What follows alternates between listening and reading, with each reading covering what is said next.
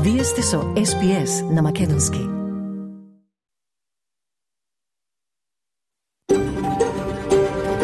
SBS, a world of difference. You're with SBS Macedonian on mobile, online, and on radio. Вие сте со SPS на Македонски на мобилен, преку интернет и на радио.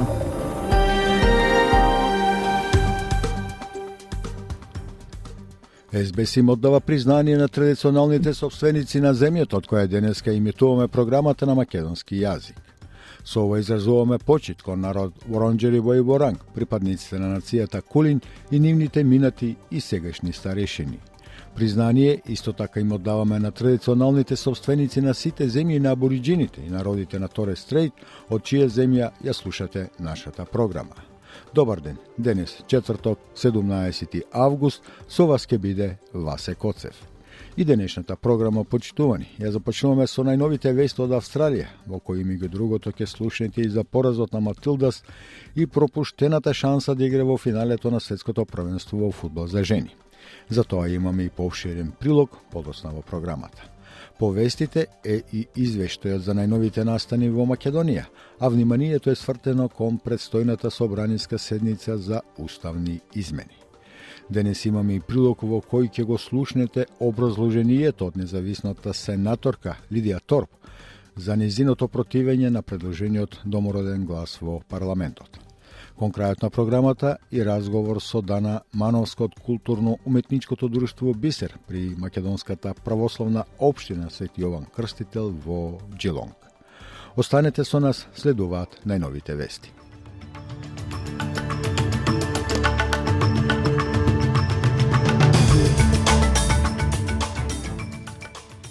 Од денешниот билтен вести издвојуваме. Матилда споразени во полуфиналето од Англија. Вниманието сега е свртено кон шведски надпреворот за третото место. Ентони Албанезе ја отвори националната конференција на лобористите во Бризбен. Стапката на невработеност во Австралија се зголемува на 3,7%. Со различни ставови, пратениците на власта и опозицијата во Македонија. Во петок влегуваат во законодавниот дом на седница за уставни измени. И од спортот австралискиот тенисер Макс Персел ја извојува најголемата победа во кариерата.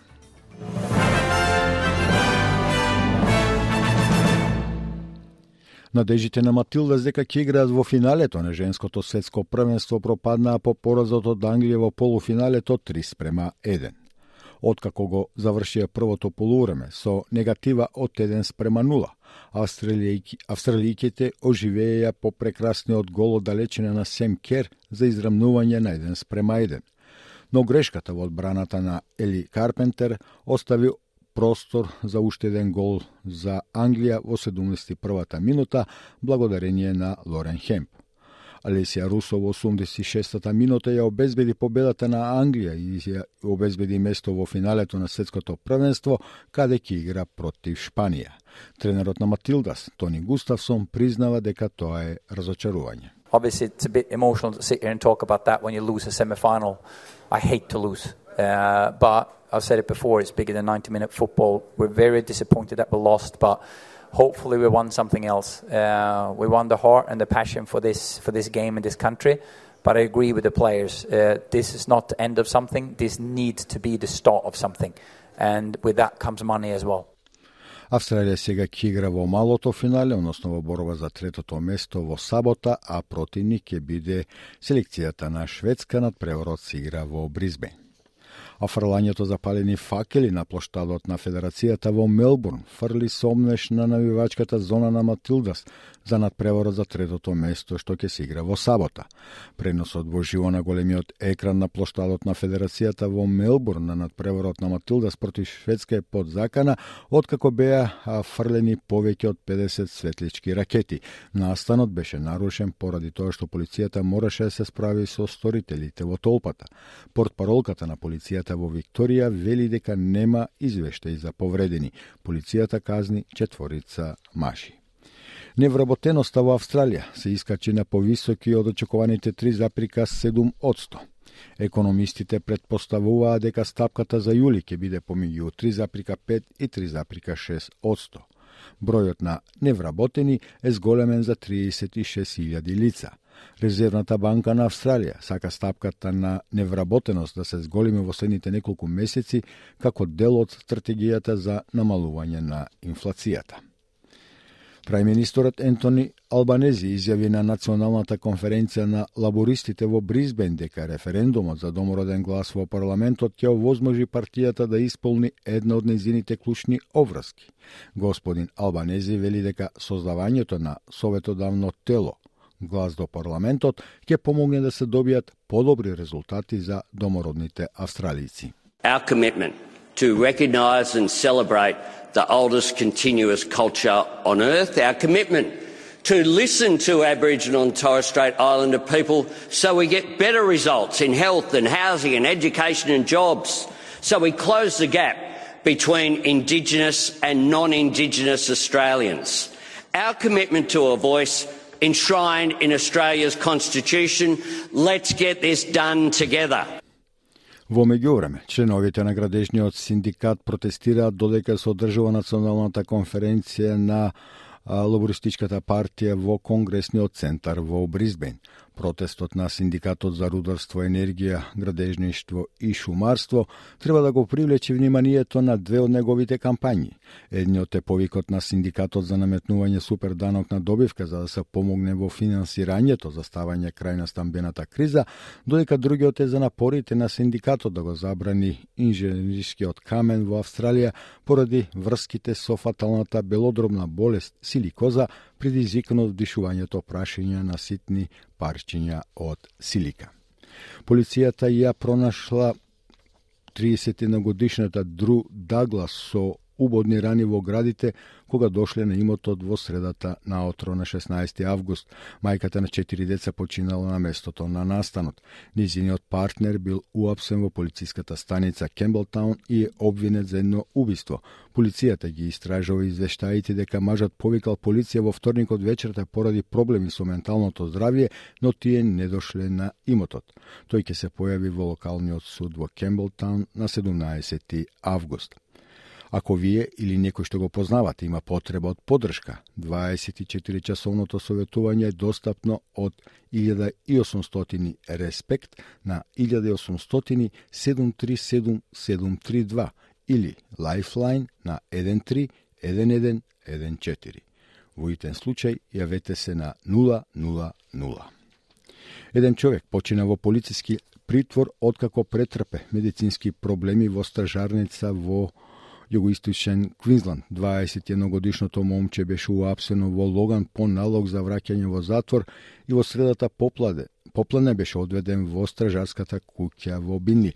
Тој бил однесен во болницата Логан откако доживеал медицински проблеми околу 19 часот, но починал кратко време подосна. Инцидентот е под истрага на командата за етички стандарди, при што ќе се подготви извештај за судскиот вештак. Властите во Соединетите Американски држави испраќаат уште кучиња во Мауи на Хаваите за да помогнат во потрагата по човечки останки по шумските пожари во кои загинаа повеќе од 100 луѓе. Председател Џо Бајден и неговата сопруга Джил ќе го посетат островот следната недела за да се сретнат со преживеаните, како и со представници на службите за прва помош и владени представници. Шефот на Федералната агенција за управување со ворени состојби Дин Кирсвел вели дека тимовите за пребарување со кучиња ќе се зголемат за уште 49 кучиња трагачи. This is a really hard disaster and this is a really difficult search operation. Because of the conditions and the fire debris, the dogs have to navigate the heat. They have to uh, uh deal with issues with their paws, walking through glass and debris. And in these conditions, the dogs require frequent rest, which is why we are sending in additional dogs to augment the operation. Нема притисоци врз партениците за уставни измени, а на седницата одиме обединети. Ова е заклучокот после координацијата помеѓу лидерот на ВМРО ДПН Христијан Мицковски и координаторот на нивната пратеничка група Никола Мицевски во пресретна собраниската седница за промена на уставот кој треба да се одржи во петок колкова подршка има за уставни измени, Мицески вели ќе се види уште при гласањето на дневниот ред. Нашиот став е кажан и на Комисијата за уставни измени, каде аргументирано кажавме дека власта турка процес кој што не е подржан од граѓаните. Истото ќе го повториме и на пленарната седница. Оваа седница ќе биде добра можност да се увери целокупната јавност дека власта цела една година лаже, манипулира и се е магла околу уставните измени и дека не се ни близко до уставни измени. Власта пак повика да се вразумат опозицијските пратеници. Седницата за уставни измени велат од СДСМ е шанса за опозицијата да покаже дека е за Европска Македонија, изјави Фаница Николовска, пратеник на СДСМ.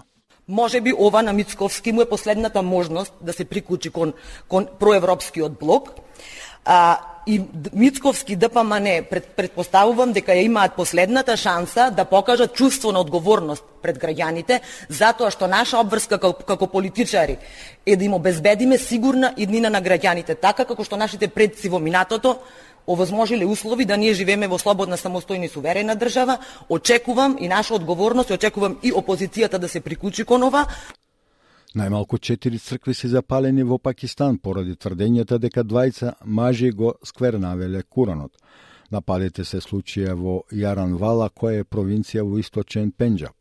Жителите велат дека се уштетени и десетина згради поврзани со цркви. Црковниот историчар од Националниот католички институт за теологија во Карачи, отец Гулшан Баркат, вели дека наводите за богохулење се лажни. So far, the cases which have emerged, um, so-called blasphemy, uh, uh pertaining to blasphemy laws, um, most of those, most of the 100% of those uh, cases were false, falsely accused and uh, maybe they wanted to grab the land.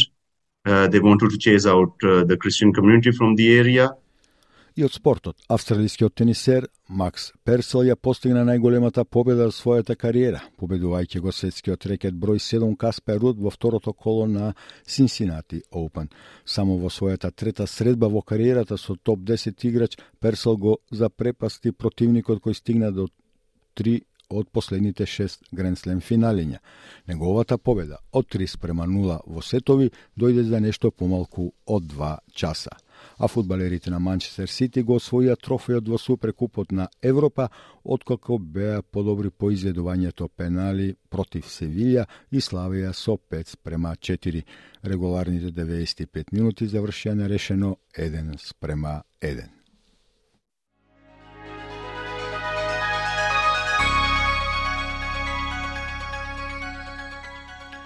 И од најновата курсна листа денеска еден австралиски долар се менува за 0,59 евра, 0,64 американски долари и 36,3 македонски денари, додека еден американски долар се менува за 55,91 македонски денар, а 1 евро за 60,96 македонски денари.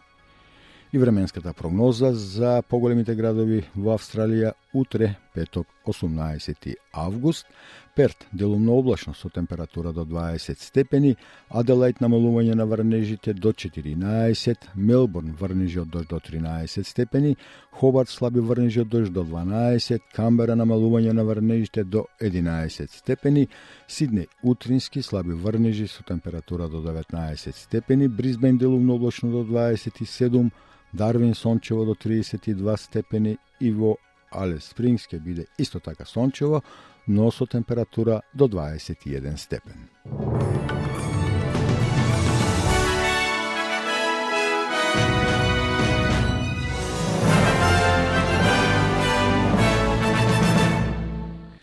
На програмата на македонски јазик на СБС радио ги слушавте најновите вести. Денешните вести ќе ги најдете подосна на нашата Facebook страница SBS Macedonian или на веб страницата sbs.com.eu косацрта Macedonian. Следува извештајот од Македонија, денес подготвен од нашиот сработник Милчо Јовановски, известува на повеќе теми, меѓу кои за тоа дека во пресрет на Собраниската седница за уставни измени опозицијата и власта влегуваат со диаметрално различни ставови. За екс-шефицата на бугарската дипломатија Екатерина Захариева пак уставните измени во Македонија според неја се цитирам ситница, а бугарите во Македонија реалност. Американската амбасада за посетата на косовскиот премиер Курти вели дека настаните ги видовме како бескорисни, со дополнение дека американскиот амбасадор во Косово Джефри Ховиниер, зборувајќи за неодамнешната посета на косовскиот премиер Албин Курти на Македонија, рече дека, цитирам, сад не поддржуваат ниту голема Албанија, ниту голема Србија. За овие и за останатите настани пообширно во извештајот. Вие сте со СПС на Македонски. Нема притисоци врз пратениците за уставни измени, а на седницата одиме обединети. Ова е заклучокот после координацијата помеѓу лидерот на ВМРО ДПМН Христијан Мицковски и координаторот на нивната пратеничка група Никола Мицевски заедно со пратениците, а во престрет на собраниската седница за промена на уставот која треба да се одржи во петок. Колкова поддршка има за уставни измени, Мицевски вели ќе се види уште при гласањето на дневниот ред. Нашиот став е кажан и на Комисијата за уставни измени, каде аргументирано кажавме дека власта турка процес кој што не е подржан од граѓаните. Истото ќе го повториме и на пленарната седница. Оваа седница ќе биде добра можност да се увери целокупната јавност дека власта цела една година лаже, манипулира и се е магла околу уставните измени и дека не се ни близко до уставни измени. Власта повикува да се вразумат опозицијските претеници. Седнитата за уставни измени велат од СДСМ е шанса за опозицијата да покаже дека е за Европска Македонија. Тоа го рече и Фаница Николовска, пратеник на СДСМ на прес. Може би ова на Мицковски му е последната можност да се приклучи кон, кон проевропскиот блок.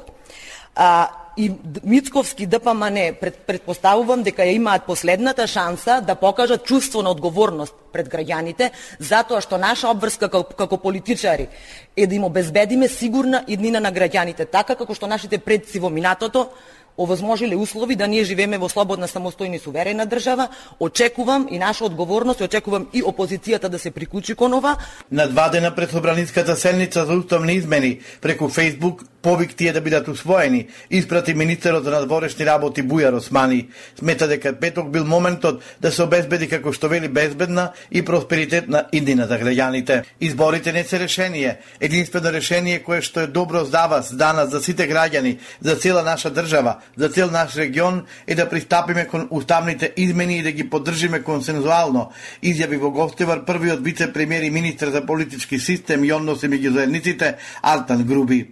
Цитирам, се види дека уставните измени се технички, дека не задираат воопшто во македонскиот идентитет, дека не задираат воопшто во македонскиот јазик и дека од уставните измени нема да види никој ништо лошо, рече Груби во изјава за медиуми на сајмот за вработување во организација на конзорциумот Бехтел и Енка, кој ги гради коридорите 8 и 10Д. Груби рече дека в петок ќе се отпори дебатата за уставните измени и кажа дека работат и со ВМРО ДПМН и со поединци во ВМРО ДПМН, дека како што посочи и тие да станат дел од градењето на инината за нашите граѓани. Седницата за утврдување на потребите за промена на уставот трае најмногу 10 дена, имајќи ги предвид политичките ставови, се предпоставува дека таа ќе трае ден до два, пошто спикерот Тала Джафери, како што најави, ќе го одложи гласањето на неодредено време, чекајќи сигурно двотретинско мнозинство. Поранешната шефица на бугарска дипломатија во убедувачка мисија во изјава за БГНС Екатерина Захариева вели дека измена на уставот во Македонија не е голема работа. Цитирам: Измена на уставот на Република Северна Македонија не е голема работа. Бугарите се дел од реалноста во оваа земја и тоа мора да се прифати. Мора да се прекине дискриминацијата врз бугарите, како и наодамна зачестените случаи на физичко и вербално насилство, рече за Бъгнес Захариева. Таа е категорична дека Скопје и Софија губат од лошите односи и вели дека е подобро да немаме граници за да се развие бизнисот. Важно е луѓето да можат слободно да се среќаваат и да комуницираат без страв, изјави Захариева. Ова изјава на поранешната министерката на дворешни работи најде на октри реакции во Скопје. Поранешниот шеф на македонска дипломатија и сегашен пратеник Антонио Милошовски вели дека многу попродуктивно ќе биде доколку Бугарија реално ги почитува пресудите на судот за човекови права во Страсбур. Поред него, хипокризија е да се говори за реалноста во зборот на соседите, а да не се почитува реалноста во собствената држава. А за уставните измени, европски принцип е секоја земја да одлучува самостојно за уставот, како највисок правен акт, кој е заедничка обштествена повелба на граѓаните во секоја држава, вели Милошовски и додава. Но за жал, за ваквите лекомислено преземени обврски не се ни толку криви представниците на официјална Софија, како Екатерина Захариева, Кирил Петков или Румен Радев – Примарната вина е ке Ковачевски, Бујар Османи, Маричич и други политички главоклимачи, кои се надеваат дека нивниот мандат ќе трае ден подолго, доколку тие дадат согласност на секој диктат што Македонија ќе ја доведе во подчината положба, вели Милошовски. Изјавата на Захариева ја коментираше поранешниот председател на Собранието Тито Петковски, кој бара реципроцитет за внесување на бугарите во Уставот. Цитирам, ако промената на нашиот устав е така мала и едноставна работа, зошто тогаш промената на бугарскиот устав и внесувањето на македонците во него, што е дел од реалноста во Република Бугарија, е толку тешка и сложена работа, Та нели граѓанските и етничките права и слободи се европски вредности. Освен тоа, Бугарија има обврска според пресудата на Меѓународниот суд за човекови права, повторувана по 15 пат да ги признае правата на македонците во Бугарија и слободата на политичко организирање, вели Петковски. Граѓаните се во трка со времето за вадење нови документи. Рокот истекува на 12 февруари до година, но наближуваат избори. Оние кои немаат валидни документи со ново име на државата нема да можат да гласаат. Од ДИК смета дека новонастанатата ситуација која не е опфатена во изборниот законник треба дополнително да се регулира со закон, односно сите граѓани кои имаат 18 години и валидни лични карти или патни исправи со непроменето име на државата да можат да го искористат своето право на глас. Од МВР вела дека службите работат во три смени за викенди и за празници, за да им излезат во пресред на граѓаните на времено да ги заменат личните документи. Тони Ангеловски, помошник на министерот за односи со јавноста при МВР, додава. Сите граѓани ќе добијат патна исправа или, или лична карта, она за што аплицираат, образци има доволно, системот функционира така што сите граѓани кои што ќе аплицираат ќе го добијат и својот документ. Ние како министерство, односно одделот за управни работи, работи и втора смена, и трета смена, и викенди, и празници, значи се со цел за да може да се да се одговори на барањата на граѓаните. Амбасадата на САД во Скопје не гледа за необходно да ја коментира посетата на премиерот на Косово Албин Курти на Скопје и Тетово пред неколку дена, бидејќи како што велат, настаните ги видовме како корисни и ви упатуваме на коментар во амбасадата на САД во Приштина, велат од амбасадата за порталот Индекс МК. Американскиот амбасадор во Косово, Джефри Ховениер, зборувајќи за недомнешната посета на косовскиот премиер Курти на Македонија, рече дека САД не поддржува ниту голема Албанија, ниту голема Србија ниту пак прекројување на државните граници во Балканскиот регион. Секој обид да се направи тоа би бил контрапродуктивен и дестабилизирачки. САД силно го поддржуваат територијалниот интегритет на сите земји од Западен Балкан, вклучително и Косово, рече Ховениер, а пренесува газета Експрес. Група граѓани се собраа вчера пред зградата на обвинителството и основниот суд во Тетово со цел да реагираат на судскиот процес за трагедијата од 8 септември 2021 кога во пожар во модуларната болница животот го загубија 14 луѓе. Организаторите од иницијативата Подобро за Тетово побара политичка одговорност затоа што никој не добил соодветни казни за трагедијата во Тетово и другите случаи каде граѓаните ги загубиле животите. Елмедина Абдулахи од иницијативата рече. Ова веќе докажува дека правдата во оваа држава не функционира и сите ние како граѓани се осеќаме несигурни во оваа држава бидејќи на секој момент на секого од нас може да ни се случи некоја некоја некој настан, значи некој несреќа. Од иницијативата побара владата да реагира. Бараме владата веднаш да го разреши јавниот обвинител Љубомир Јовески и тој заедно со другите обвинители инволвирани во ова монструозно дело да одговараат кривично. Бараме да се судат и казнат вистинските виновници, вклучително и политичарите кои спротивно на законот го доделија тендерот за изградба на фирмата Брако. Нема правда, нема мир, посочи Елмедина Абдулахи во барањата. А граѓаните кусо коментираа. Да се правеше како што треба, а, немаше да дојде, може би пожарки имаше, ама немаше да изгоре толку брзо и да умира 14 а, наши сограѓани. Без да се среди судството во својата содржина, држава нема да има Македонија.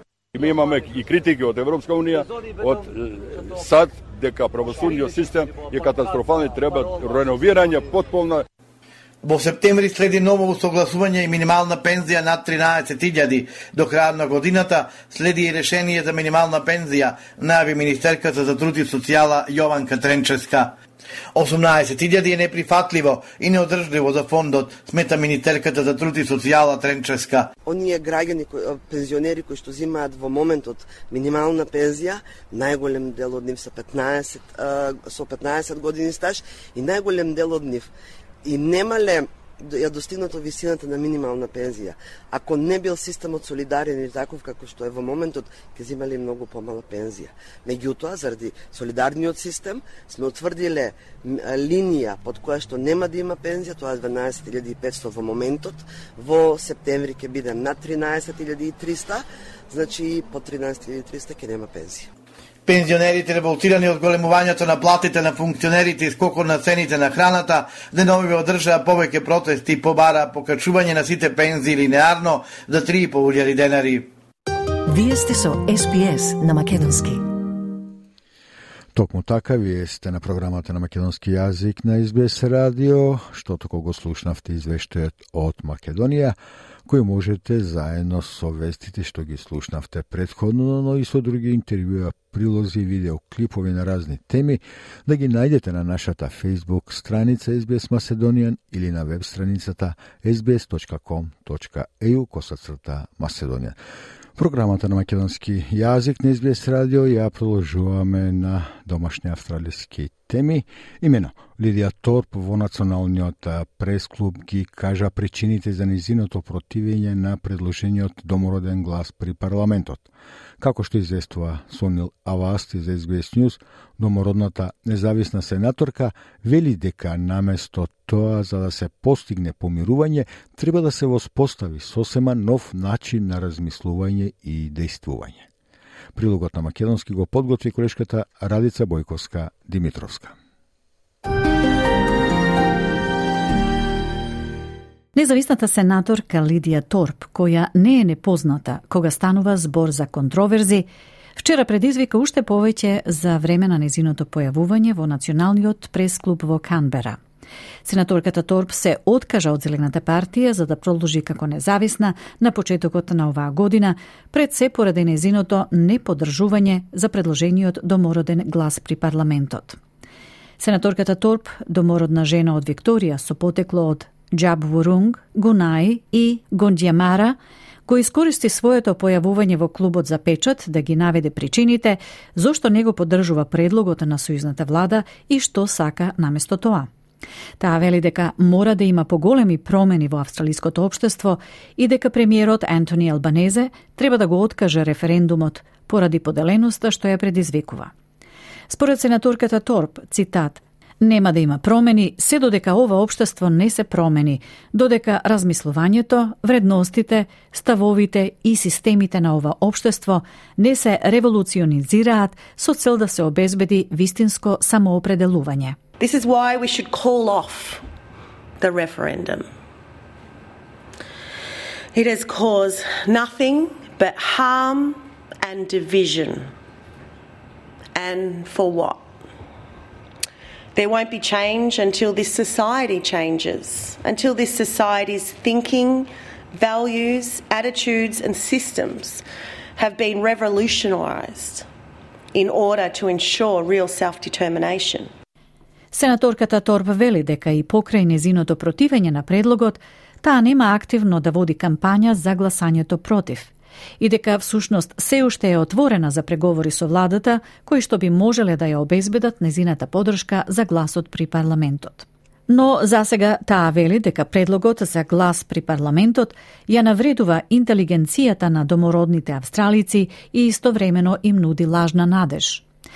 Тоа е лажна надеж затоа што ги мами луѓето искрено да веруваат дека немочното советодавно тело ќе заштити нашата земја и светите места, ќе ги спаси нашите животи, ќе ги чува нашите бебиња дома, вели сенаторката Торп. И додава, цитат, гласот за уставното признавање е само како украсна завеса на прозорец. Ние предходно го отфрливме уставното признавање. It promises to finally fix the Aboriginal problem. It is false hope because it is tricking people into genuinely believing that a powerless advisory body is going to protect our country and sacred sites, save our lives, keep our babies at home. The voice is the window dressing for constitutional recognition. We have rejected constitutional recognition before. Според сенаторката Торп, предложениот глас при парламентот би бил релативно неефективно советодавно тело. Наместо тоа, таа сака договор меѓу домородните и недомородните австралици. Таа признава дека тоа ќе потрае доста време, но вели дека треба да започне што е можно поскоро. Господица Торп вели дека ќе продолжи да се бори за договор, без разлика каков ќе биде резултатот од гласањето на референдумот. I think that uh, whatever way, yes or no, that we will continue to fight for treaty. We will continue to fight uh, to have our sovereignty acknowledged in this country. I don't think a yes or no result is going to make any difference, regardless of what it is. Сенаторката Торп вели дека за да се стави крај на колониализмот во Австралија, треба да има примена на препораките од Кралската комисија за смртта на абориджините во притвор од 1991 година. Потоа на препораките во извештајот Bringing Them Home од 1997 година за принудното одстранување на домородните деца од нивните семејства, како и препораките во Декларацијата на нациите за правата на домородните народи на Обединетите нации во 2007 година. Сенаторката Торп исто така вели дека австралиците треба да бидат подготвени да се соочат со тешки вистини, наместо со цитат романтизирани поими за домородниот суверенитет. Сенаторката вели дека се уште верува дека Австралија е расистичка земја и реакциите на предходните обиди за помирување, како што е познатата прошетка низ Сиднејскиот пристанишен мост на почетокот на векот, покажале дека Австралија и натаму е премногу расистичка за да може да направи чекор напред. It is a racist country. 20 years ago in the reconciliation movement, in fact, 22 years ago, I was there. Again, I was pregnant with another kid walking across the bridge in Sydney. The ultimate outcome of the reconciliation movement back then was that the country was too racist to reconcile. Противењето на сенаторката на предлогот за глас при парламентот не е целосно морално или духовно. Таа вели дека преговорите за договор се потребни бидејќи други форми на обиди за компензација на домородните австралици, како што е платење финансиска компензација за земјиште и природни ресурси, би можеле економски да ја осиромашат Австралија. Сенаторката исто така не се плаши да ги нападне и оние кои всушност политички би можеле да бидат на нејзина страна. Таа вели дека некои од оние кои велат дека се обидуваат да им помогнат на домородните луѓе, гласајќи во корист на гласот при парламентот, се всушност виновни за патернализам и омаловажување на домородните австралици. И таа верува дека тоа е расистичко. Even with a yes vote uh, outcome, then it's still a um, denial of what the black sovereign movement is about, and it's hand on heart do gooders who think they know what's best for us. So that's a form of racism as well. А во продолжение на програмата на СБС на Македонски, малку и за фудбалот, женскиот фудбал, имено надеждите на Матилдас дека на ова светско првенство во фудбал ќе играат во големото финале, беа уништени по поразот од 3 спрема 1 во полуфиналето против Англија, надпревар кој се одигра синоќа. Па сега така во финалето ќе играат Шпанија и Англија во недела, а Матилдас ќе се бори за третото место со Шведска во сабота, како помина синоќашниот надпревар во извештајот. Вие сте со СПС на Македонски. Тоа беше надпревар што е запре нацијата, додека Матилдас се соочуваа со Англија во полуфиналето на светското правенство за жени. Но во 36-та минута од првиот дел работите тргнаа на полошо. Англија постигна гол преку Ана Тун. Еве го со коментар на Опту Спорт. Finding Russo brought it down beautifully and here's a chance driven into the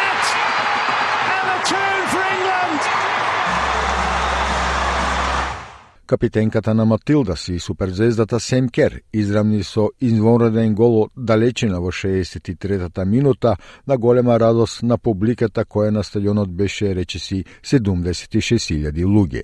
Но херејството на Кер беше залудно, бидејќи Лорен Хем постигна гол 8 минути полосна за да го врати водството на Англија од 2 спрема 1.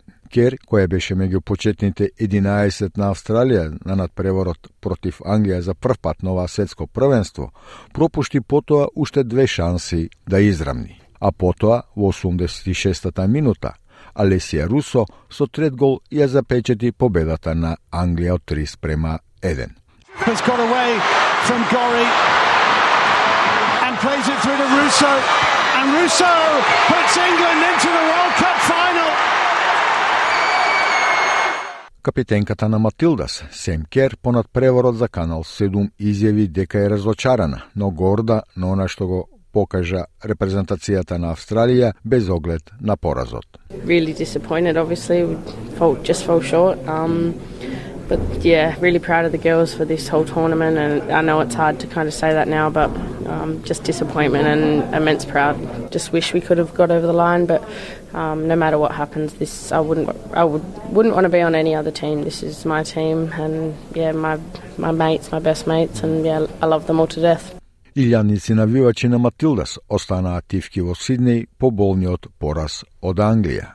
Еве дел од реакциите. That sucked. Um, England were better for most of the game, but had the uh, potential to be a where were you when Kerr put that one in the net, but unfortunately the girls couldn't get it done. И додека кај навивачите на Матилдас имаше разочараност, кај навивачите на Англија се гледаше радоста по победата на нивната репрезентација, која пак се пласираше во финалето на светското правенство за жени и ќе игра против Шпанија во недела. Еве дел и од навивачите на Англија. It was brilliant. It was outstanding. Like that's the way England play. That's how they play.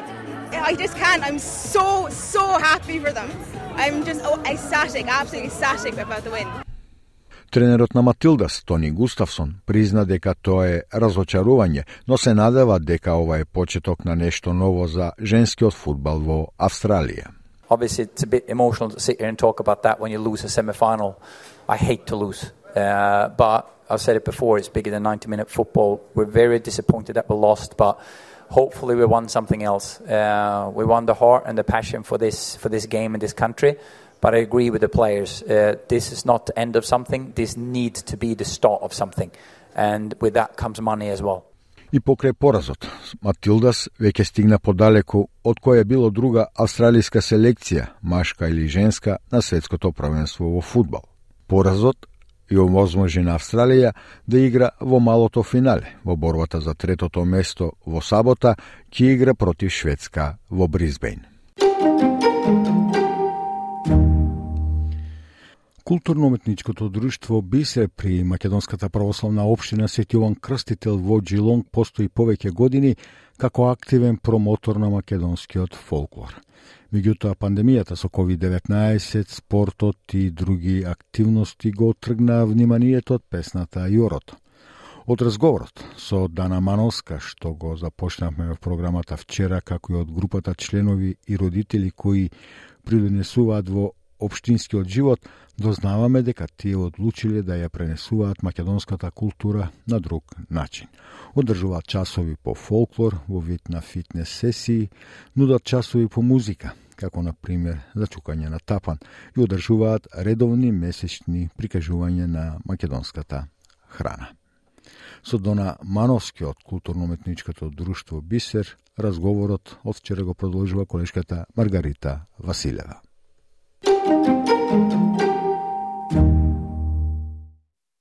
Да, Дана, морам да кажам дека на вистина многу вешто, многу вешто размисливте како да го задржите фолклорот, па и разните аспекти од фолклорот и народниот живот.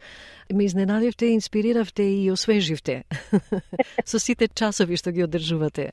Па, ние сме еден тим што си работаме сложно, не сум само јас, дека сите заедно се договорваме Исто така и со општината сработуваме. Джелонг општината ни е многу активна. Ние имаме пензионерско друштво, имаме социјален клуб секој петок што е отворен. Исто имаме рибарско друштво и, и Бисер. Ние сме член од нашата општина во Джелонг и сите заеднички се трудиме колку можеме да го држиме нашето македонското, што се вели да го продолжиме. Мислите дека тој потик за надпревара, споменавте пред малку дека нема повеќе надпревари како што се одржува. Мислите тоа е една од причините што нема па, толку голем интерес во фолклорот во последниве неколку години? Едно тоа, друго е тешко да се најде кореографи, а за младите тие сакаат како активност поголема, како да имаат да, децата да ги привлечи нешто. И затоа мислам, детето кога сака да се надпреварува, по-привлечно му е нештото да оди. А и многу е важно и за родителите да можат да ги носат, не можат самите деца да одлучат. И кога беа тие надпреварувања, како беше поинтересно прва, втора група, трета, пак настапување за елигденските денови, па сите тие Сега ги имаме овие фестивалите што се добри на, на јадење, па така тро од друштвата да настапат некаде, ама... Многу е тешко без кореограф пак. Па многу е тешко, затоа што тешко се наоѓа кореографи. Сето тоа е поврзано, пак ќе речем, имавме добар кореограф од Македонија пред ковид короната, ама немаше поќе зашто да стои, како да стои. Да. Немаше интерес, немаше доволно играорци, не можеа да идат децата затоа што беше забрането и играњето и сето тоа. Значи сето тоа треба да го повратиме како можеме на некој начин да го пресвртниме на некој друг начин, да не дојди како задолжително, туку да дојди привлечно за децата за младина. Дали воопшто сметате дека ќе најдете начин да вратите кореограф во друштвото? Само ако има доволно членови, 100% ќе се организира, ќе се направи. Затоа сега има добри услови секаде за такви работи ама треба да се дојде до добар број на членови на мембери за да има што да се работа. Да. Споменавте за потик, нема доволно потик децата да доаѓаат и се свртуваат кон спортот, бидејќи мислат дека повеќе може да постигнат.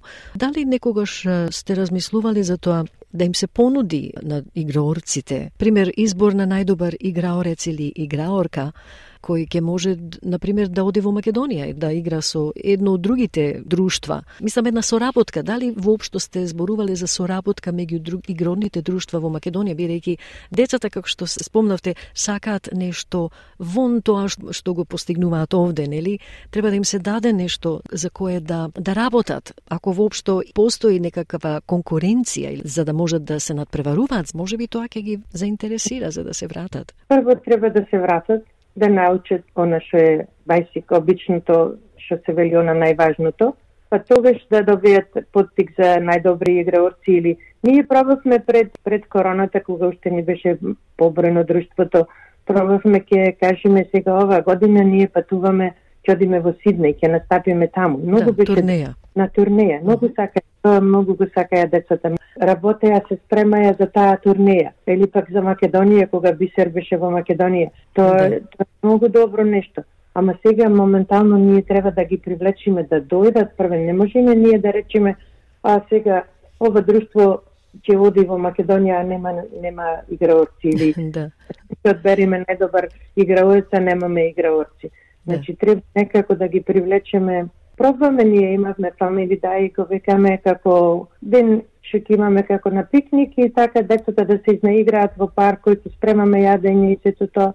Многу беше убаво некои работи активности во годината повеќе, да не дојди само играњето, туку да се дружат нашите македончиња заедно, и други играорци. Таа ви е појдовна точка, нели, за понатамошни планови, да ги вратите назад играорците. Се надевам дека ќе го успеете тоа. Затоа пробаме со тапани, со други ќе организираме часови, други со играње, со готвење, на некој начин да се привлечат првен родителите, јас би рекла, младите родители да видат дека навистина нешто тука е активно, нешто е позитивно, па ајде ќе ги дојсам и децата да видат. Што само ќе ви кажам дека Калина Димовска е како кореограф, ние не само што ги играме ората што се овие традиционални ора, туку таа не учи кореографии како селско беранче, бувчанско или некои други кореографии. Да. Многу е интересно за луѓето што ги знаат ората е како тој дојдува досадно сега да играш само едно исто оро и ги учиме овие новите кореографии, а со нас имаме и стари играоци што се млади, мислам, млади деца од, од групата Бисер играат со нас во фитнес. Оти на таа вечер ќе направиш може 5000 чекори што се вели на пешаче, знаеш, такво е да. модерно време сега бројуваш колку активен си на денот. Да, точно.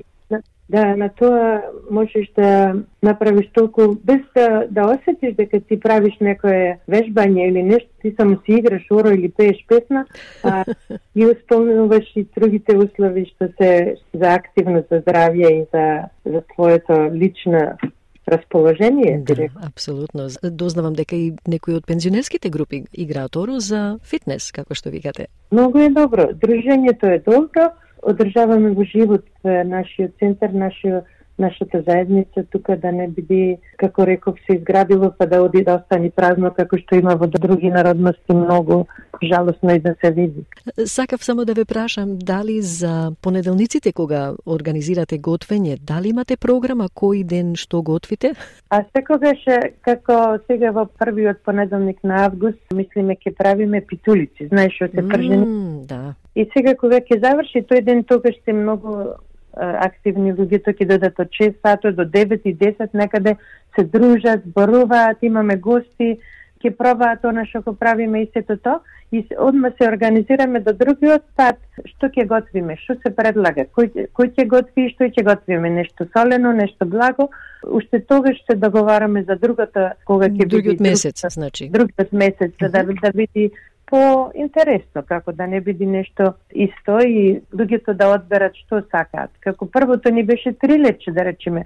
Дали си слушнала за трилече рецептот што е? Немам, немам слушнато. Е, трилече тоа со три млека се прави, многу е популарно во Македонија и го направивме тоа е, како благо uh -huh. со три млека и сето тоа и го пишеме рецептот на македонски и на англиски, секој си го земва дома, многу е корисно. Да, многу е добро што сте инклузивни и за оние што не го зборуваат македонскиот да го на, да ја научат рецептата, нели? Тоа што мна, многу млади ние се трудиме нашите деца да зборуваат македонски и нашите внучиња, ама многу од нив не го знаат многу македонскиот јазик, а сакаш да ги придобиеш, да бидат таму и да разберат што се прави и затоа така. Благодарам уште еднаш, Дана. Звучи многу, многу прогресивно и инклузивно, освежувачки и инспириравте. Благодарам за остапеното време и поздрав до слушателите и поканувам кој сака може да дојде на нашите проби, бесплатно е и не мора да биде од Джелонг и од Мелбор и од каде сака и не мора да биде редовен на сите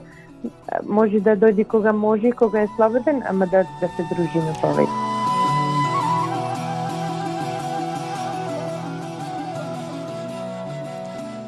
Ете, почитувани, Тоа беше разговорот со Дана Мановска од културно-метничкото друштво Бисер при Македонската православна општина Свети Јован Крстител во Джелонг. Со не се разговараше колешката Маргарита Василева.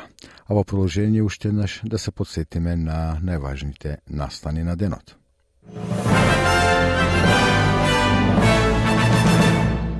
Матилдас поразени во полуфиналето од Англија. Вниманието сега е насочено кон Шведска и над преворот за третото место.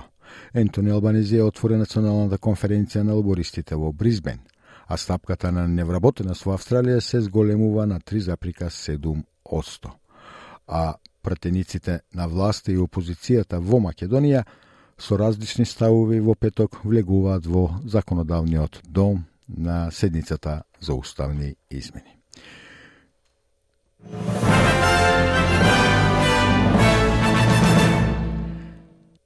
И со тоа, почитувани слушатели, стигнавме до крајов на денешнава програма. Денес со вас беше Васе Коце. Ви благодарам за вниманието.